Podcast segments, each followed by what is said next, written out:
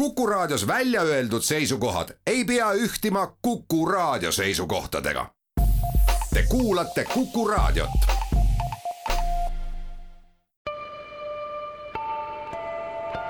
ilmaparandaja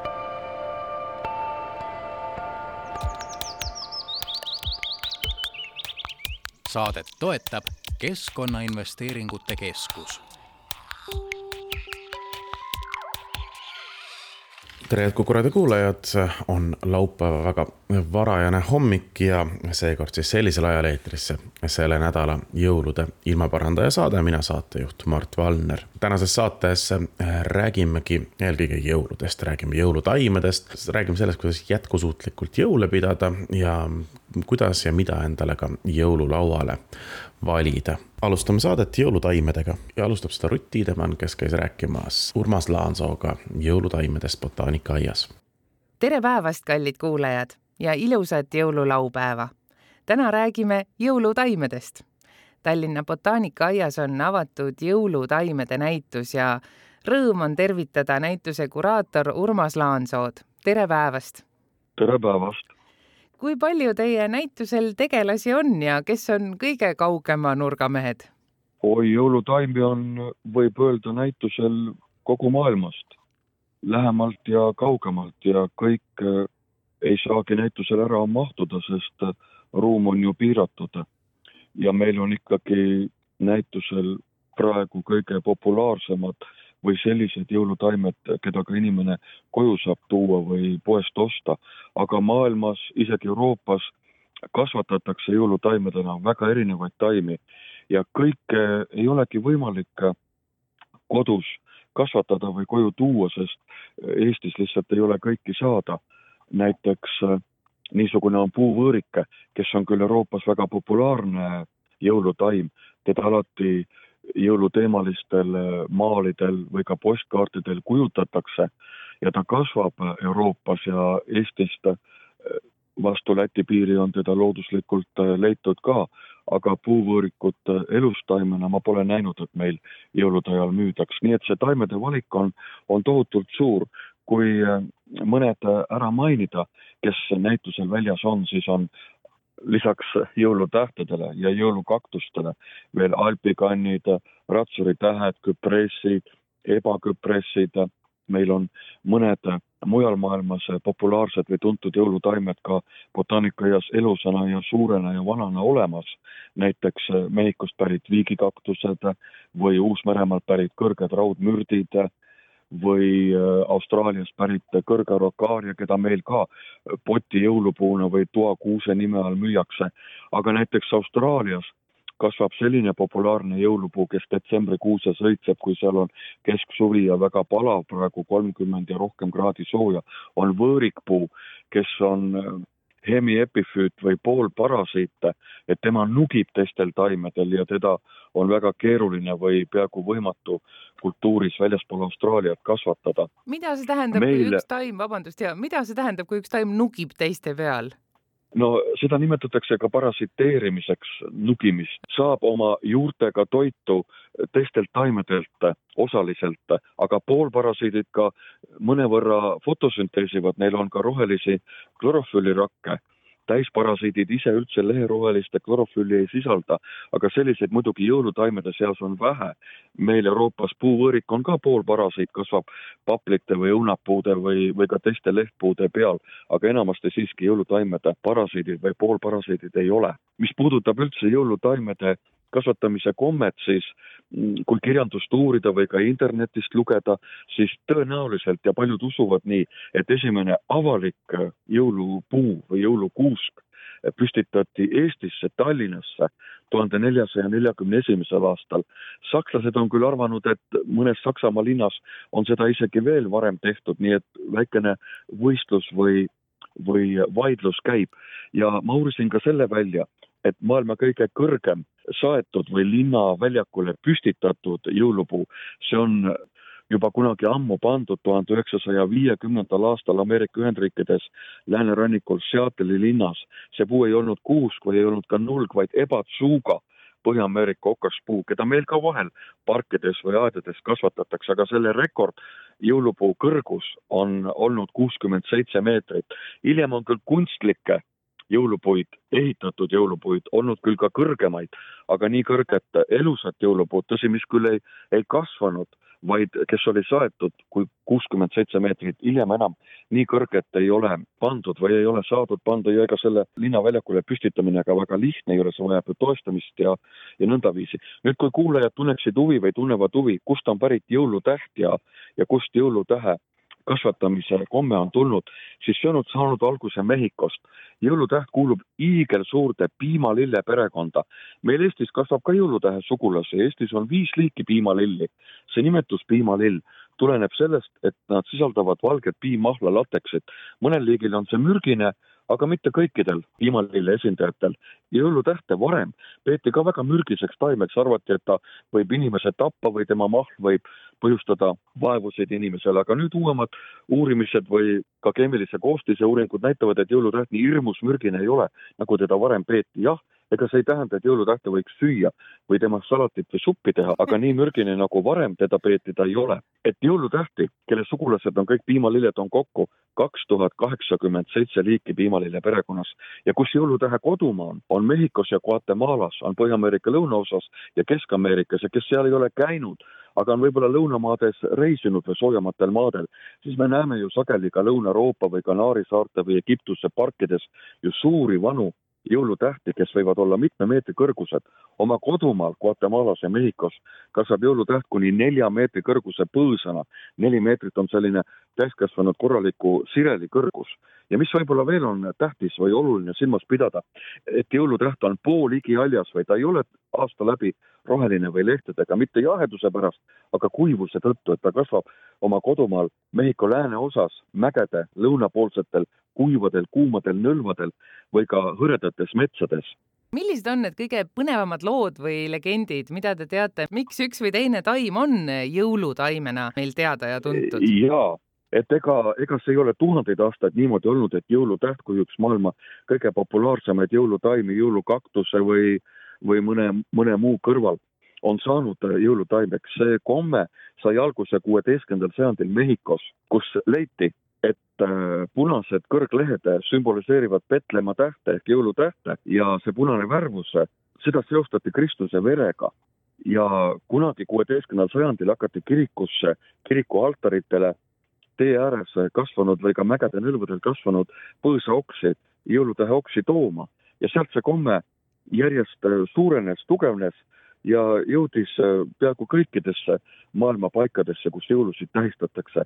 Ameerika Ühendriikidesse jõudis jõulutähte Ameerika diplomaadi või USA diplomaadi Poinseti kaudu, kes ta Ameerikasse tuhande kaheksasaja kahekümnendal aastal Mehhikost tõi. aga teaduslikult kirjeldati jõulutäht alles pisut hiljem, tuhande kaheksasaja kolmekümne neljandal aastal ja tänapäeval näiteks kahe tuhande kahekümne teisel aastal kasvatatakse aastas seitsekümmend miljonit jõulutähte, eelkõige potitaimena. ja selle rahaline väärtus on kakssada viiskümmend miljonit Ameerika Ühendriikide dollarit, nii et see on ka suur äri ja jõulutaimede kasvatamise kohta peaks nii palju öelda, ma vahel näen, et inimesed kõnnivad poest ostetud jõulutäht kandekotis või isegi ilma paberita käes ja niimoodi marssitakse koju poole, et sedasi kindlasti ei tohiks toimida, kuna jõulutäht on troopiline taim ja ta kardab külma, et talle isegi alla pluss kümnekraadised temperatuurid pikemaaegselt ei meeldi. ja kui me miinustemperatuuriga päeval läheme koju ja jõulutähte korralikult ei paki, seal peaks olema kindlasti üks või isegi kaks paberit ümber, mis on kindlasti tipust ja, ja siis poti alt ka korralikult suletud ja ikkagi võib-olla isegi hea on teda noh, kilekotti või mitmesse kilekotti pakkida, et äh, ta ei talu külma ja kodus ka, mida tähele panna, kui me tuulutame või avame akna, õhutame ruume, siis jõulutäht ei tohiks saada tõmbetuult, ei tohiks saada külma õhku aknast. Ja muidugi mitte ka asetada tulise kuumava radiaatori lähedale. Ja õitsvad taimed talvel, eks ole, jõulutähte müüaksegi ainult õitsvana, tuleks kaks korda kuus ka kuni õitsemise lõpuni nõrga õitsevatele taimedele sobiliku väetselahusega ka väetada, sest muidu ta ei jaksa õitsemise lõpuni õitseda, aga iseenesest jõulutähte, keda meil kõige rohkem koju tuuakse ja kingitakse sugulastele ja sõpradele, on mitmeaastane taim, on põõsas. nii et ta võiks elada ka kodus mitu aastat, aga inimesed sageli ei oska teda niimoodi kasvatada, et ta järgmisel aastal ka õitseks, sest jõulutäht tulenevalt sellest, kust ta pärit on, Mehhikost, on lühipäevataim, mis tähendab seda, et Euroopa aiandites, kus teda kasvatatakse ja kasvatamist alustatakse ju kevadel või suve alguses, siis augustis ja septembris neid kasvuhoonesid kunstlikult pimendatakse, et kella nelja paiku kasvuhooned kaetakse seestpoolt musta kilega, mis valgust läbi ei lase ja niimoodi saavutatakse see jõulutähele sobilik lühikene päev.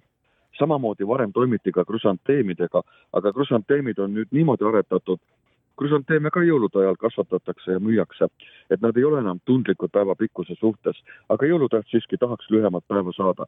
miks ka jõulukaktus, teine populaarne jõulutaim, õitseb talve poole, sest siis on talle sobilik päevapikkus, lühem päevapikkus, nagu ka tema kodumaal Brasiilia lõunaosas Rio või Rio de Janeiro lähedal, kus jõulukaktus troopilises vihmametsas kasvab inimesed, kes tunnevad kaktuseid, teavad kaktuseid kui torkivaid taimi, aga jõulukaktus ei ole mitte kõrbetaim, vaid on ju pehmete vartega hoopiski vihmametsast pärit taim, et ta tahab kodus ka pisut soojemat ja ka pisut niiskemat, niiskemaid olusid ja ka sagedasemat kastmist eestlaste jaoks on kindlasti üks jõulutaim ka asalea. kas tema on pisut vähem pirtsakas kui jõulutäht näiteks, et on teda lihtsam kasvatada ja üle aastate pidada?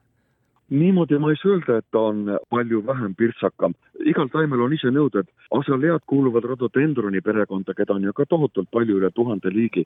asalea on pärit Ida-Aasiast, lähistroopilistelt aladelt ja asalea puhul kõige tähtsam on see, et ta tahaks happelise veega kastmist, mida saab hapustada kas sidrunappega, oksaalappega, koblikappega või ka sidrunimahlaga, kui me sidrunist kastmisvette pisut mahla pigistame ja muidugi asalea ei sobi kõige paremini väga palavatesse kuiva õhuga keskküttega ruumidesse.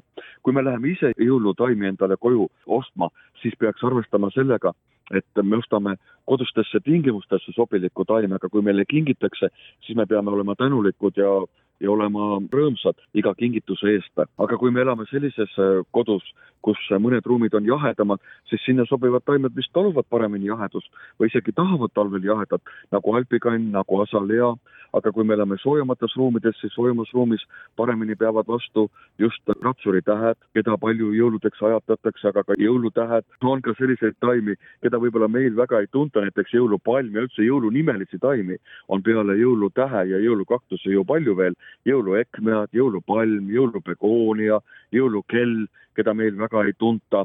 Aga asalea miks mitte koju tuua, jah, et asalead ei ole ka hea panna väga tulise radiaatori lähedale ja asalea kõrvale on hea panna üks lai anum, kuhu vett peale valada, kus vesi aurustuks ja loob asaleale mõnusama või parema niiskema keskkonda, et asalea väga kuiva keskküttekruumiga õhku ei taha.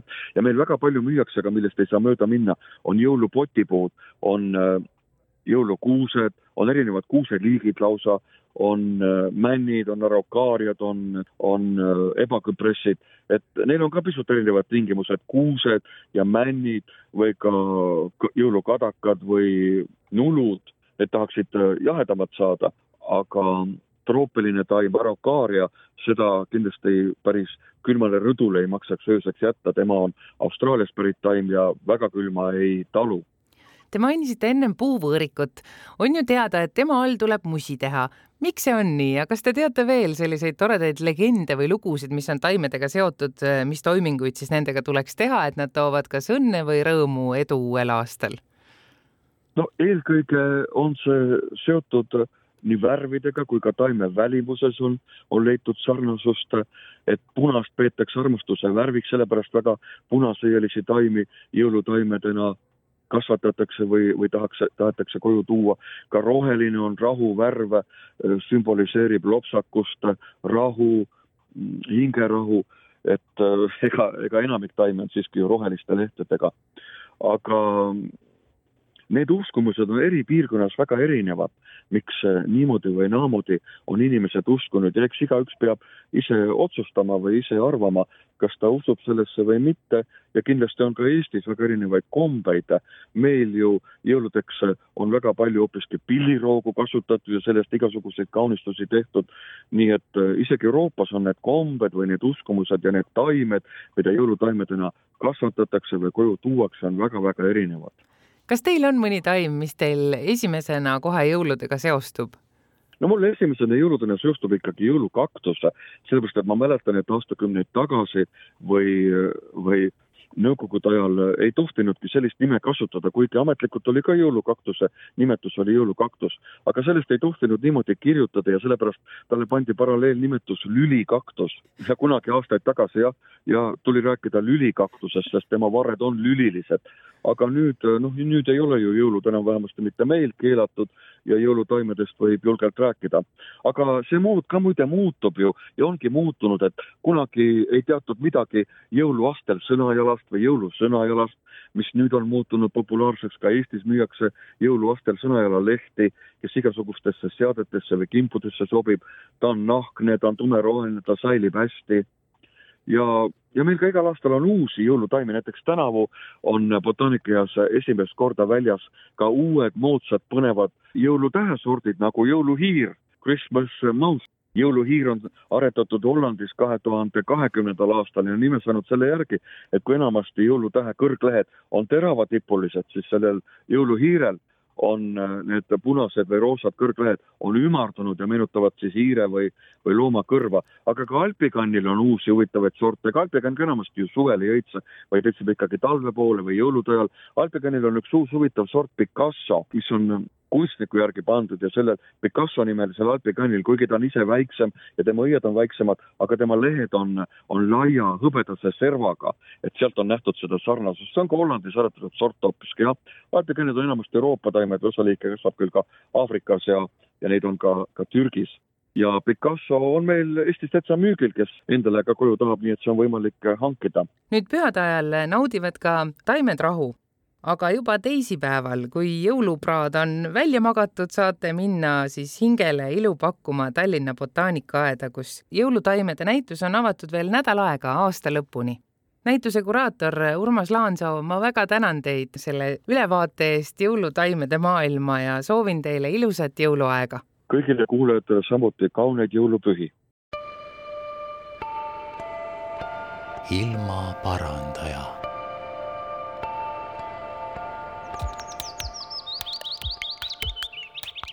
saadet toetab Keskkonnainvesteeringute Keskus. Eestimaa Looduse Fondi loodussaladuste rubriigis räägime täna natukene toidulauast, mis on ju jõulude ajal väga aktuaalne teema. kuulame toidu raiskamise ja jätkusuutliku toitumise kohta. loodussaladus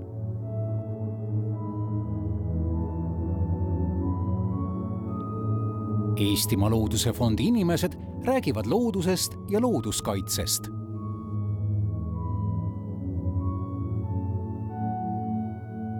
loodussaladus. tere, hea kuulaja. mina olen Silja Kana, ma töötan Eestimaa Looduse Fondis ja mul on väga hea meel, et saan teiega pühade ajal jagada üht looduse saladust, mis on seotud toiduga, mida me kõik eluks vajame ja täna õhtul ka peolauas pakume toidu tootmine mõjutab meie loodust palju rohkem, kui me sageli tunnistame. õigemini polegi see saladus, vaid midagi, mille peale me kogu aeg ei mõtle. kas mõtleme esimest lõunasöögiampsu suhu pistes, kust see toit tuleb ja millist mõju see nii keskkonnale kui inimesele avaldab? toidu tootmine võtab enda alla hulga maapinda mõjutab lugematute liikide elupaiku, kasutab palju magevett, energiat, väetisi, mille tootmine ja kasutamine samuti keskkonda mõjutab, transporti, pakendeid. kõigele mainitule lisaks läheb kahjuks liiga palju sellest tööst ja vaevast ka raisku. kolmandik kogu maailmas toodetud toidust ei jõua kunagi kellegi lauale toitu läheb raisku meie kodudes, toitlustusasutustes ja mujal. Eesti kodudes visatakse aastas ära umbes kakskümmend kuus kilogrammi toitu ühe eestlase kohta. ometi on toit meie jaoks nii oluline ja peaksime seda väga väärtustama.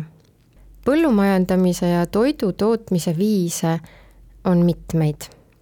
on väiksema keskkonnamõjuga ja väga suure keskkonnamõjuga. mida teadlikumad me oleme sellest, kuidas toit me lauale jõuab, seda säästlikumaid ja tervislikumaid valikuid me ka teha saame.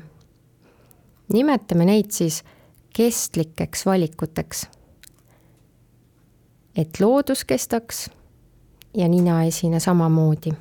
räägin teile natukene enda teekonnast planeedisõbralikuma toiduni ja mida mina enda sõprade ja sugulaste ringis olen teinud, et pühasid pidada viisil, mis jätaks hea tunde kõhus, rahakotis ja loodusele mõeldes.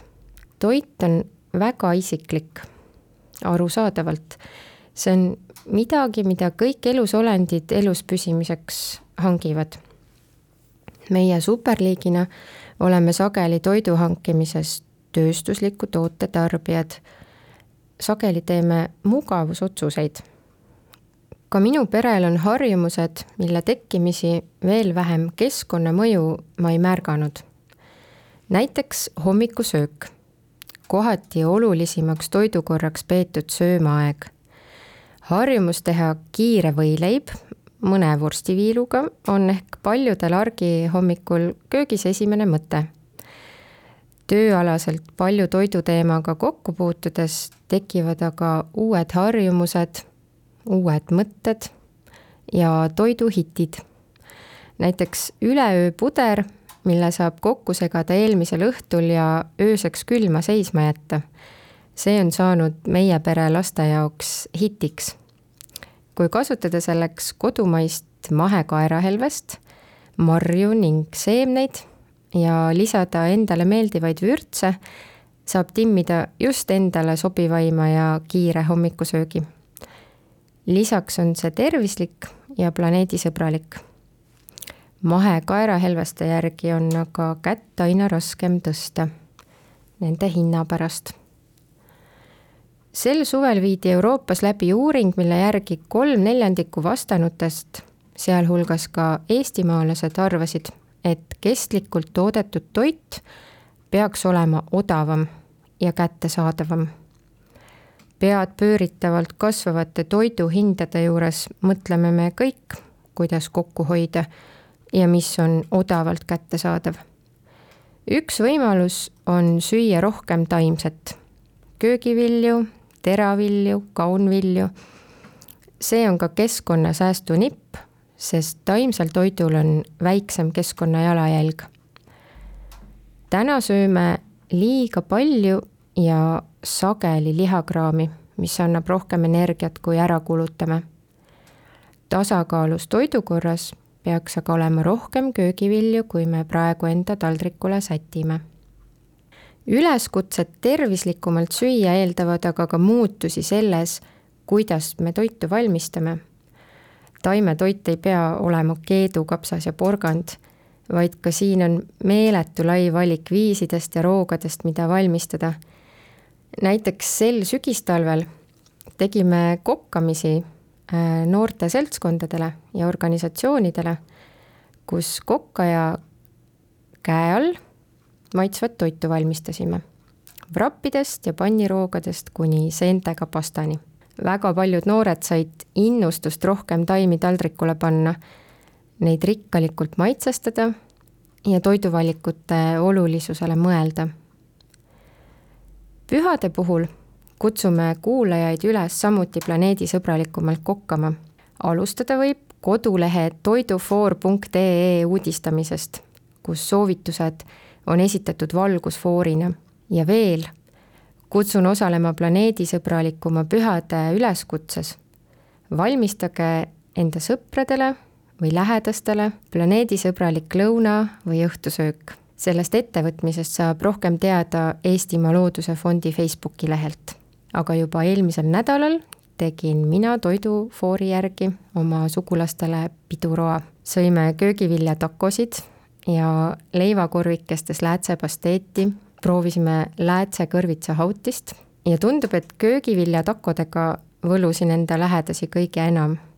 ja kokkuvõttes said kõigi kõhud kenasti täis mitmekesisust meie pidulaudadele ja loodusesse. rahulikke pühi kõigile. Kuulmiseni juba uuel aastal. loodussaladus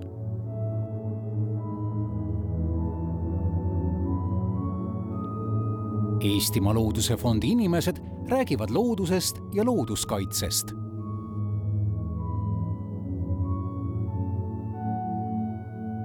loodussaladus enamikel on kindlasti ju kuusk juba toas äh, ja kingid pakitud, kes seda pole veel aga jõudnud teha, nii et täiesti viimasele hetkele.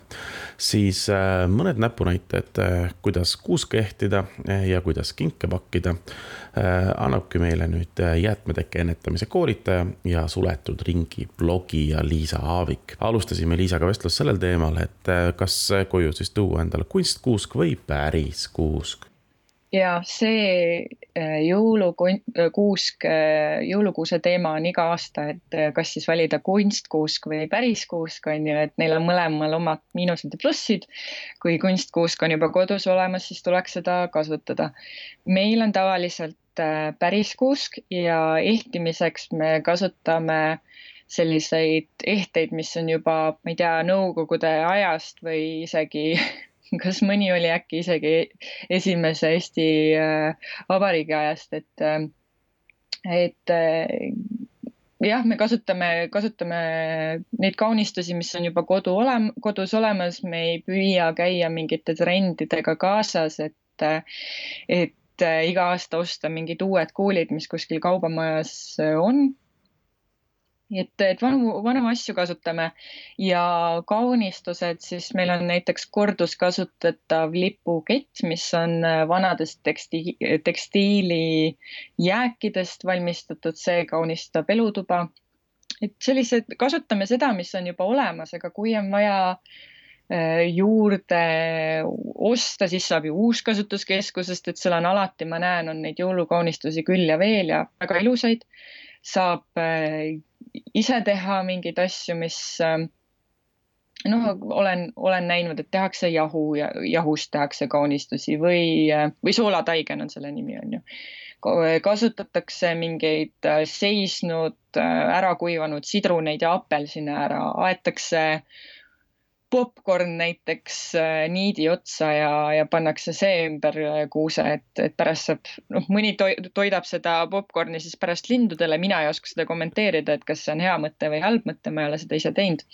aga mina soovitaks jah, lihtsalt kasutada seda, mis on, äh, mis on olemas et kõike saab teha mm. -hmm, jah, ma, ma, mulle ka endale tundub, et Eesti majapidamistes on seda äh, noh, ütle, ütleme nõukoguaegseid kuulikesi äh, suhteliselt igal pool olemas, et see uute äh,, uute kaunistuste küsimus tekibki siis, kui, kui inimesed kolivad oma vanemate kodust välja ja, ja siis hakkabki need oma esimesed jõulud ja siis see kuidagi aja jooksul hakkab ka kogunema, mida sinna kuuse peale oma esimestel jõuludel ja teistel ja kolmandatel ja neljandatel panna, et ega needsamad soolatainast äh, kaunistused ju, ju halvaks ei lähe, et sellel ei ole seda parim enne söömiskuupäeva, kuupäeva, saabki järgmine aasta samu asju uuesti kasutada, ei peagi juurde tegema, sest et minu arust nagu sa väga hästi alustasid, kõige parem on see asi, mida sa ei tee, eks ole, ja mida sa ei osta. Just.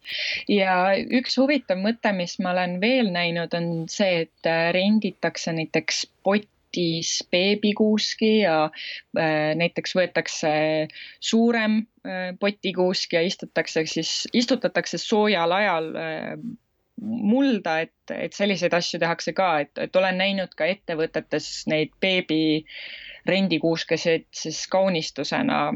et see on ka tore mõte minu arust mm. -hmm. no see äh, päris kuuse ja plastkuuse vist küsimus ongi, et kui plastkuusk on tõesti olemas, siis tasub kasutada. Äh, sest et äh, kui sa ikkagi metsast maha võtad selle kuuse, siis ega taga ju midagi enam peale hakata ei ole, siis me hakkame jälle rääkima jaanuarikuus sellest, et missugune omavalitsus kõige paremini neid oskab kokku korjata prügikastide tagant, eks ole. Mm. -hmm. väga hea, Liisa, kas äh,, ma küsin sellise siis üldise, üldise lõpuküsimuse, et kui me räägime jõuludest ja jätkusuutlikkusest äh,, tundub küll, et äh, asi on läinud väga kommertslikuks äh,, pühaks, nagu meil paljude asjadega äh, minemas on, aga, aga ma saan sellest jutust aru, et tegelikult äh, paar asja läbi mõelda, olenemata sellest, kui ilusad on kõik uued ehted erinevates kaubamajades, mitte neid iga aasta juurde osta, et, et meil on võimalik niisugused mõistlikult jätkusuutlikud jõulud teha ja see hoiab ikkagi väga palju ka närve kokku, sellepärast et sa ei pea jooksma igale poole viimase hetke pakkumisi otsima äh, nii ehetele kui kingitustele.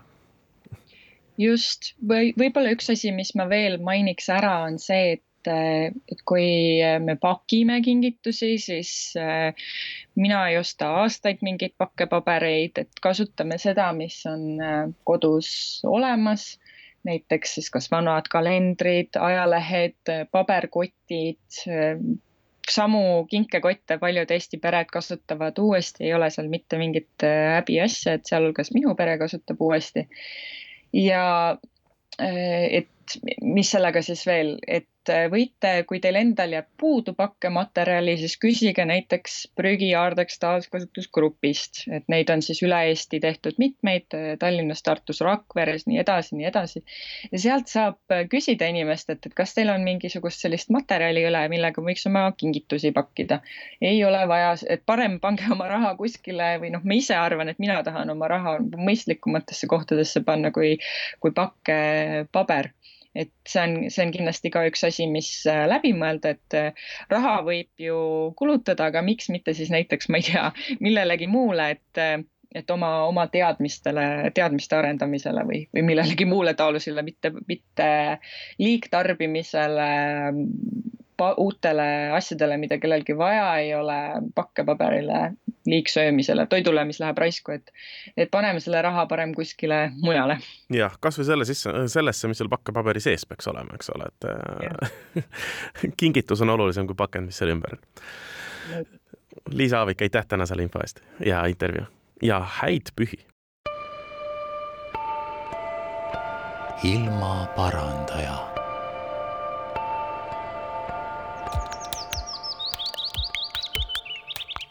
saadet toetab Keskkonnainvesteeringute Keskus.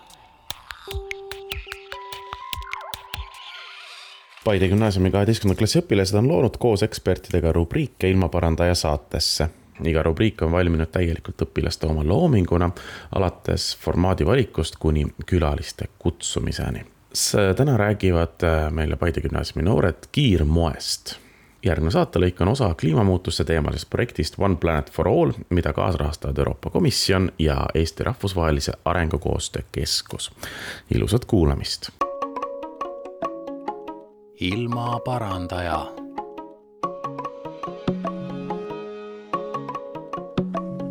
tere, tere, tere! Äh, meie oleme siis Paide gümnaasiumi kaheteistkümnenda klassi õpilased Elis Kraav, Ragnar-Liis Mõttus, Janeli Alsaar ja Eliise Hiinurm ja meie räägime teile täna siis äh, kiirmoest, selle tööstusest ja selle siis äh, kahjuteguritest keskkonnale. paari sõnaga siis kiirmoest. Äh, kiirmood tähendab tabada siis kõige viimaseid trende ning disainida neid uutesse kuumadesse rõivakollektsioonidesse, mille tootmine ja tarbijate jõudmine on võimalikult kiire ja odav. näiteks võib tuua Eestis laialt levinud H&M-i ja Zara kus riided on siis äh, pigem soodsa hinnaga, aga neid äh, toodetakse siis väga kehvade tingimuste najal ja ka keskkonnale on see väga kahjulik. aga kõik, ma arvan, teavad, et keskkonnale on äh, peamine mõju on prügi, et kuna riideid on nii palju, neid toodetakse no tõesti palju, aga see ei ole nagu ainukene mure et äh, peamised siis võib-olla võtmesõna, mida meelde jätta, on kasvuhoonegaasid, keemiline reostus ja siis muidugi ka prügijäätmed. ja ei ole vahet, mis materjalist see riie on äh,, sellegipoolest kõikide nende tootmine on väga keskkonnareostav ja samuti on see ka energiamahukas protsess ja suureks äh, keskkonnareostusteguriks on ka selle transport, mille peale väga palju ei mõelda, kuna enamus riided valmivad kuskil kaugemal, mitte siis mm -hmm. riigisiseselt. nii et äh, neid probleeme on tegelikult hästi palju. ja ma võib-olla isegi lisaks siia kiirmaa juurde veidikene seda ka, et tegelikult võib-olla ei teadvusta endale seda, et et vahepeal tulevad meile uued kollektsioonid, nii-öelda kiirmaa kollektsioonid iga kahe nädala tagant. et, et tegelikult see mass, mis, mis tuleb riidepoodidesse, et see on nagu suhteliselt suur mida, mida näiteks mina ise nagu võib-olla ei haldaks ära, et, et nagu päriselt nagu tulebki nii tihti nii palju uusi mhm. riideid, et trende on nii, trendid tulevad nii kiiresti ja nendest tahavad kõik osa saada, aga siis trend saab sama kiiresti läbi, kui see algas ja siis on need riided kasutamata. Selle ja. kohta öeldakse ka mikrotrend, et äh, inimesed ei jõua isegi trendiga kaasa minna enne, kui see on juba poeriiulitelt kadunud, aga inimestel seisavad need asjad kodus, see ei ole enam moekas, see enam trendikas, keegi neid ei kanna ja lõppude lõpuks plastikust, mingisugune plastikust pärlitest kott vedelebki sul kapi nurgas ja sa viskad selle suure tõenäosusega kasvõi kuu aja pärast ära, sest lihtsalt see ei ole enam moodne. täpselt, jõuadki seda võib-olla ühe korra kanda ja see ongi kõik.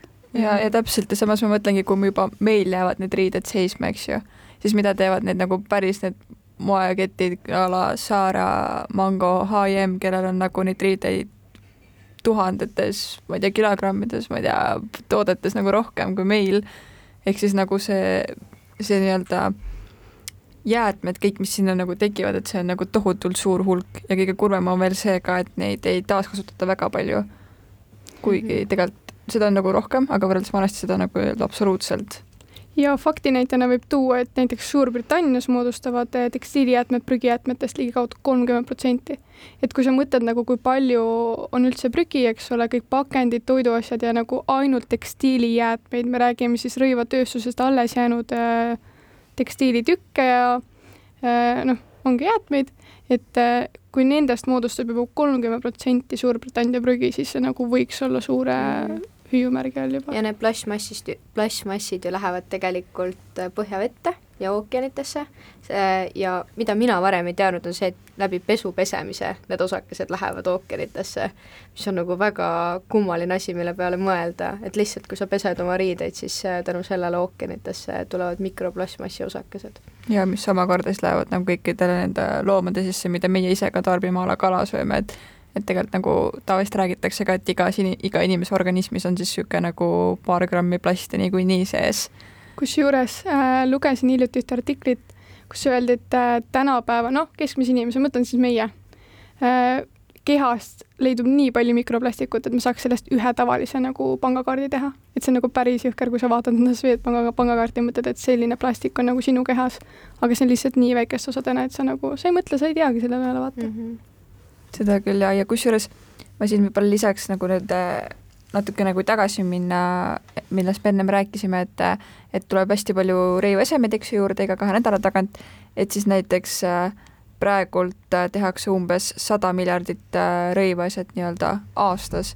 et nagu ma arvan, et me lihtsalt ei hooma ära seda, kui suur arv on tegelikult nagu sada miljardit ja, ja noh, inimesi on ilmselgelt vähem ja, ja noh, selles mõttes loogiline on, et rõiva, rõivaesemeid tehakse rohkem, aga, aga ikkagi, kui mõelda seda, et et neid riike, kes nagu päriselt tarbivad ja selle kiirmaga kaasas käivad, on nagu ikkagi no, tunduvalt vähem. tunduvalt vähem ja tegelikult Aafrikas nagu seal see rahvas nagu väga seda kiirmoodi nagu ei, ei kasuta, eks ju et.... kiirmood on eriti nagu viimase teema selles suhtes, et kakskümmend aastat tagasi oli inimese, ühe inimese kohta maakera peal kaheksasada protsenti vähem riideid, kui on praegu mis tähendab seda, et kahekümne aasta jooksul me oleme nagu kaheksasada protsenti tootnud rõiveid rohkem ühe inimese kohta, kui see oli nagu mm -hmm. noh, kahe tuhande teisel aastal. varem ju kanti riideid nii kaua, kuni oli võimalik, et noh, et teksapüksipaar võib-olla lõpetas su lapselapse jalas veel, aga tänapäeval seda päris nii enam ei tehta.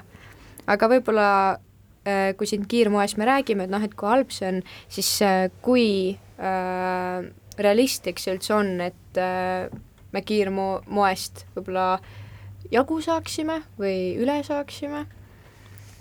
no tegelikult, kui loogiliselt mõelda, siis äh, noh, siit me saame hakatagi juba vaikselt minema sinnapoole, et mis on nii-öelda äh, kuidas meie saaksime nii-öelda sellele siis kaasa anda, ehk siis alla rohelise jalajälje osas ka veidikene, et siis äh,, siis tegelikult see on suhteliselt äh, keeruline asi, ma arvan, sellest lahti saada tegelikult selles mõttes, et esiteks äh, see oleks suhteliselt kulukas hakata ostma siis äh, nii-öelda noh, okei okay,, räägitakse küll, et et a la ostame oma nii-öelda riigi disaineritelt, eks ju, aga nende riided on ka suhteliselt ikkagi kallid ja a la kui ma tahakski hakata ostma endale mingit ma ei tea, oletame aluspesu, eks ju siis ma põhimõtteliselt ma ei hakka ju maksma kohe nagu mingi kolmkümmend eurot, äh, et selleks, et osta nii-öelda jutumärkides kvaliteetset riiet, et isegi see ei pruugi olla nii kvaliteetne.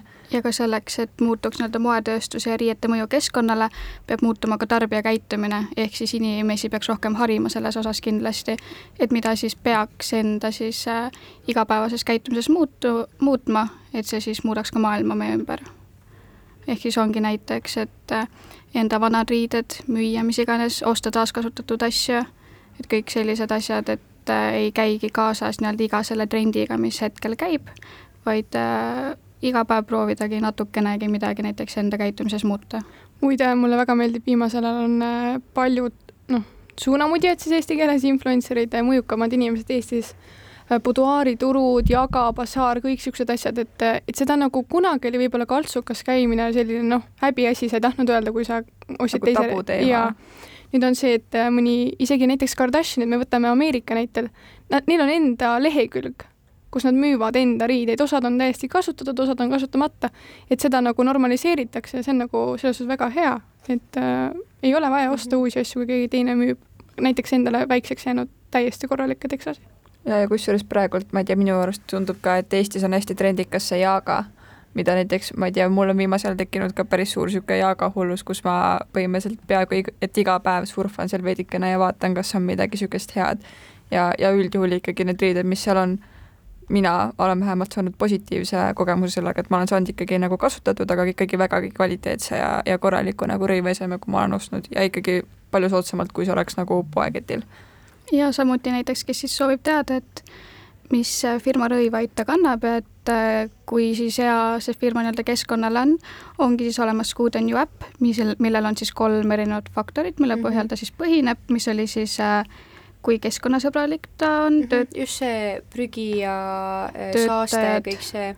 see oli, et töötajate vist mm. -hmm. et kuidas tingimused, nad äh, tingimused, töötajaid jah. kohtlevad, et kas nad saavad õiglast palka, kas nende töökeskkond on turvaline, kõik see? ei, see oli vist loomade äh, kui looma mm. -hmm. Mm -hmm. no looma, kuidas on siis loomi kasutatud loom., et äh, kas on nagu äh, noh, loomanahad, kõik see, et see tegelikult on ikkagi ka noh, mingist küljest väga problemaatiline, aga noh, sellesse meie seekord laskuma ei hakka jah, ja siis saadki teada, et äh, nii-öelda HM või Saara, et äh, mis punkti skaalal see siis äh, tuleb.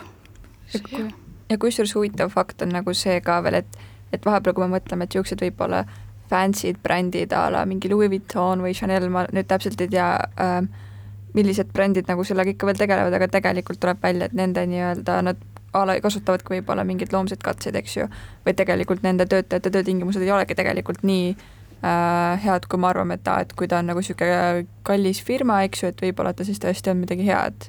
ja tihtilugu on ka see, et äh, üks suur bränd omab nagu väga palju teisi suuri brände, näiteks ma võtan kosmeetika korra, laskun sinna, et näiteks L'Oreal äh, hõlmab väga paljusid teisi brände, et sa võid arvata, et sa ostad näiteks endale QS-i teksad, eks ole, et äh, noh, inimestel on, need on kallimad, sa arvad, sa eeldad, et neid teksapaare tehtud nagu inimestel on neid siis töödelnud inimestel on paremad palgad ja kõik, aga see tegelikult tuleb sul samast näiteks äh, tööstusest, kust tulevad HM-id, eks ole, et sa mm. tegelikult mitte kunagi ei saa kindel olla lihtsalt hinna järgi või hinna pärast. seal ongi, et kuidas siis äh, keegi on suutnud enda brändi siis äh, teha ja kui äh, nii-öelda maailmakuulsaks seda turundada, aga ma ei tea, kokkuvõtteks siis äh, tulekski võib-olla meil kõigil olla natuke tähelepanelikum, võib-olla natuke enda sisse vaadata ja mõelda. kas või iga päev natukenegi midagi väikest muuta, mis tegelikult on ju väga suur samm. jah, et olla teadlikum, äh, võib-olla igaüks saab uurida igapäevaselt, äh, kuidas äh, meie keskkond iga, igapäevaselt tegelikult sõltub sellest, kuidas meie käitume. ja kindlasti mõelda ka läbi enda igapäevaostud, et kas sul on kindlasti seda vaja või kas saab ka muud moodi hakkama mm. -hmm. ja, muidugi ei tohiks äh, liiga palju ennast siis süüdistada sellest, kui sa ikkagi mingil määral võtad osa kiirmoe ostmisest, sest et paratamatult ei ole meil kõigil võimalik täiesti Ähm, keskkonnasõbralikult osta igalt poolt asju, riided on kallid, kõik on kallis tegelikult ja kui isegi mingi väike muutus võib-olla võib aidata meie maailma. aga aitäh kuulamast ja kohtumiseni ilmaparandaja. selline oligi jõululaupäeva ilmaparandaja saade, ilusaid pühi teile. saatejuht oli täna Mart Valner. ilmaparandaja